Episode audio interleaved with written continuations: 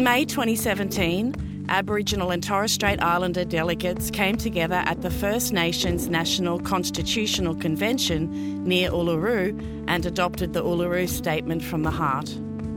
The statement proposes a change to Australia's constitution, recognising Australia's First Nations in the constitution and a way forward based on truth, justice, and self determination. We gathered at the 2017 National Constitutional Convention, coming from all points of the southern sky. Make this statement from the heart. Our Aboriginal and Torres Strait Islander tribes were the first sovereign nations of the Australian continent and its adjacent islands, and possessed it under our own laws and customs.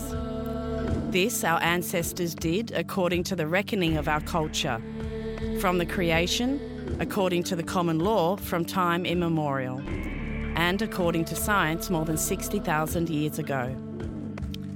This sovereignty is a spiritual notion, the ancestral tie between the land, or Mother Nature, and the Aboriginal and Torres Strait Islander peoples who were born therefrom remain attached thereto and must one day return thither to be united with our ancestors.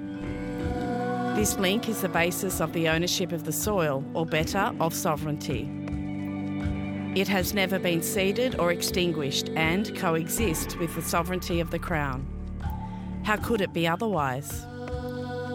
That peoples possessed a land for 60 millennia and this sacred link disappears from world history in merely the last 200 years? With substantive constitutional change and structural reform, we believe this ancient sovereignty can shine through as a fuller expression of Australia's nationhood. Proportionally, we are the most incarcerated people on the planet. We are not innately criminal people. Our children are aliened from their families at unprecedented rates. This cannot be because we have no love for them and our youth languish in detention in obscene numbers. They should be our hope for the future. These dimensions of our crises tell plainly the structural nature of our problem. This is the torment of our powerlessness. We seek constitutional reforms to empower our people and take a rightful place in our own country.